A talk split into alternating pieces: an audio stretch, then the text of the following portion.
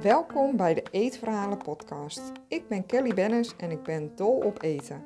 In mijn podcast deel ik verhalen over lekker eten, vooral in Servië, en ik laat je de kant achter eten zien, de psychologie van eten. Welkom bij deze nieuwe aflevering. Tof dat je luistert. In deze aflevering ga ik het met je hebben over dieet en waarom dat niet de oplossing is. En ik vertel je ook wat wel werkt. Ik werk nu ruim zes jaar als diëtist. En ja, die titel diëtist, daar ben ik heel blij mee vanwege mijn achtergrond. Daar bedoel ik mee de opleidingen die je krijgt. Je krijgt ook medische achtergrond mee. Het is een HBO-opleiding. En daardoor onderscheidt het zich van andere opleidingen. Iedereen mag zich uh, voedingskundige noemen. Uh, dat is een wezenlijk verschil met, uh, ja, met een diëtist vanwege de, de opleiding. Maar ik vind het woord diëtist niet echt handig gekozen. Want het impliceert dat een diëtist altijd diëten geeft. En dat is ook wat heel veel mensen denken. Het is ook wat ik tien jaar geleden meekreeg in de opleiding. De, de opleiding duurt vier jaar. En voor veel ziektebeelden bijvoorbeeld, en zeg bijvoorbeeld dat je nierziekte hebt, dan, ja, dan is het nodig om een bepaald dieet te volgen. Maar in een grote doelgroep, en dan heb ik het over overgewicht, of wanneer mensen worstelen met eten, dat hoeft niet eens met overgewicht te zijn, dan is een dieet niet de oplossing. In de ruim zes jaar dat ik nu als diëtist werk, heb ik vele mensen die ik heb begeleid zien worstelen. Zij volgden al jarenlang allerlei diëten. En ja, ieder dieet werkt. Maar tijdelijk. En dus eigenlijk zou je kunnen zeggen dat geen enkel dieet werkt, want ja, je bent op zoek naar iets voor de lange termijn. En ja, soms is zo'n dieet best lekker, bevalt het sommige mensen. Maar er komt een moment dat het niet vol te houden is. Wat ik terugkrijg van mijn klanten zijn hun eerdere ervaringen met diëten. Smakeloos. Ik mag niks. Uh, nou, het is eigenlijk maar saai. Ik heb altijd honger, want eigenlijk eet ik veel te weinig. Of uh, diëten met allerlei speciale bereidingen, speciale producten, waardoor het heel veel werk is om te bereiden. Of uh, met dure producten, waardoor het veel geld kost. Minder energie of nog erger, uh, lichamelijke klachten zoals haaruitval. En ja, dan komt dus dat moment dat het niet vol te houden is. En dat heeft een reden door, door al deze dingen die ik net opnoem. Het is gewoon niet prettig. Dieet is helemaal niet leuk. En dan denken heel veel mensen, er is iets mis met mij. Ik kan dit niet, zie je. Je voelt een gevoel van falen, want de buurvrouw die vertelt dat, ze, dat het haar bijvoorbeeld wel lukt. En dan denk je, ja, het ligt aan mij. Het maakt je onzeker. Je kan je schuldig voelen. Je ervaart honger. Je hebt misschien wel eetbuien. Of gaat steeds minder eten. Het is gewoon een worsteling. En dat mag je best toegeven. Het idee heerst, maar die ander kan het toch ook, dus dan moet ik het toch ook kunnen?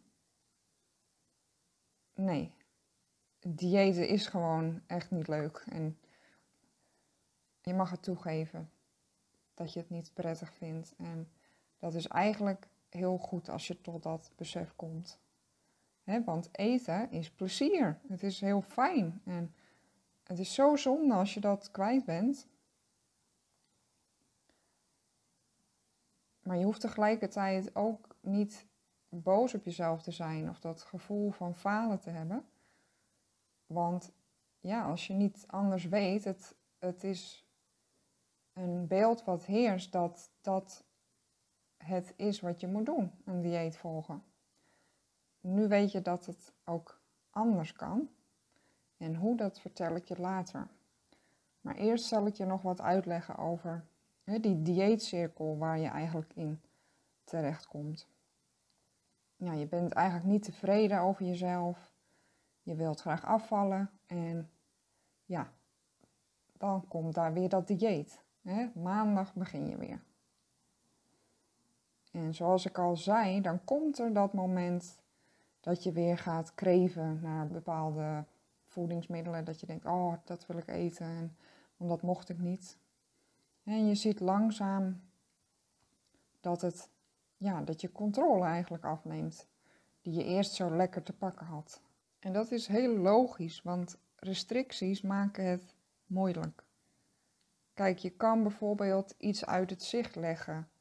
Eh, en bijvoorbeeld iets lekkers, eh, dat zou je bijvoorbeeld eh, niet in huis kunnen halen of in de kast leggen.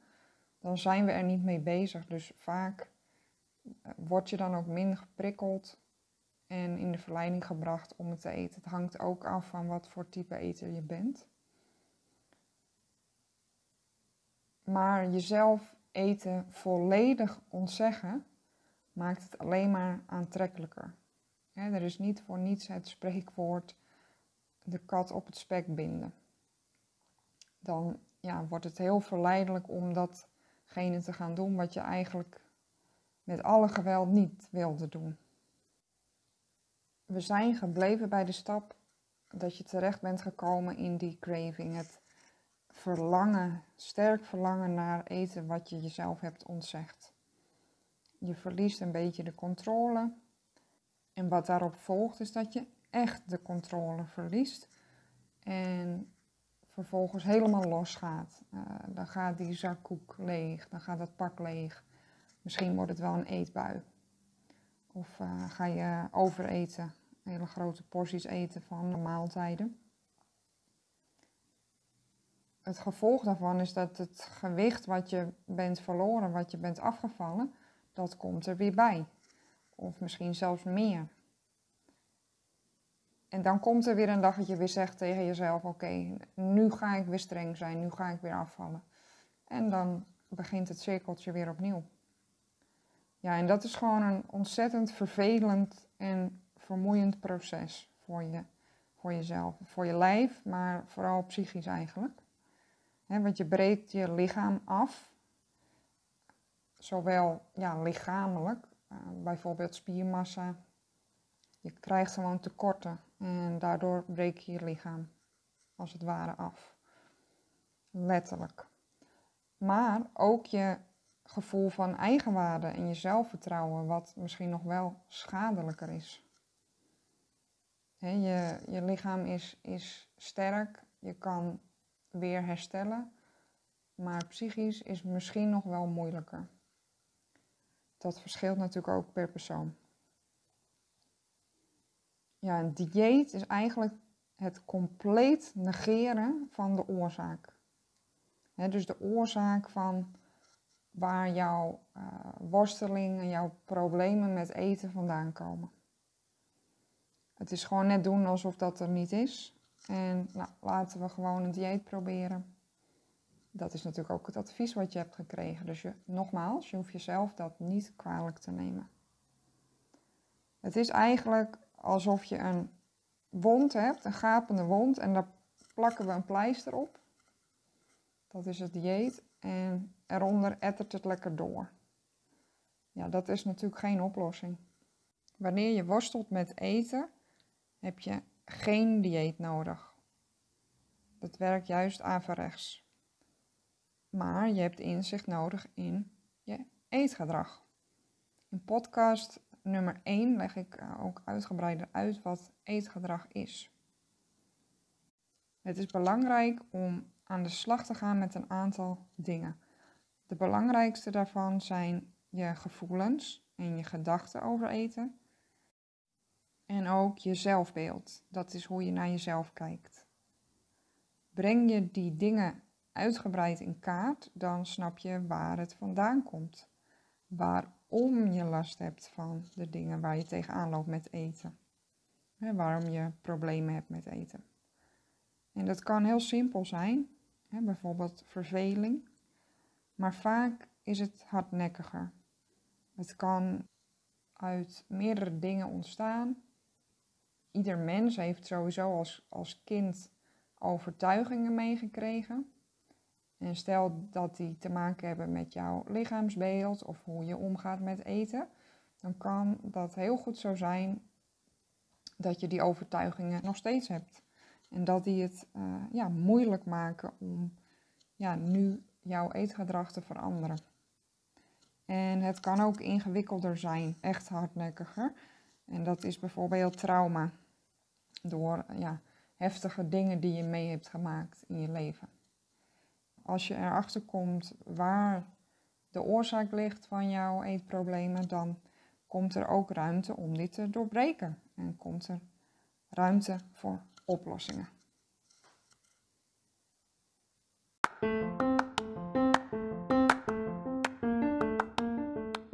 Vond je het leuk om hier naar te luisteren? Of denk je dat het interessant is voor iemand anders?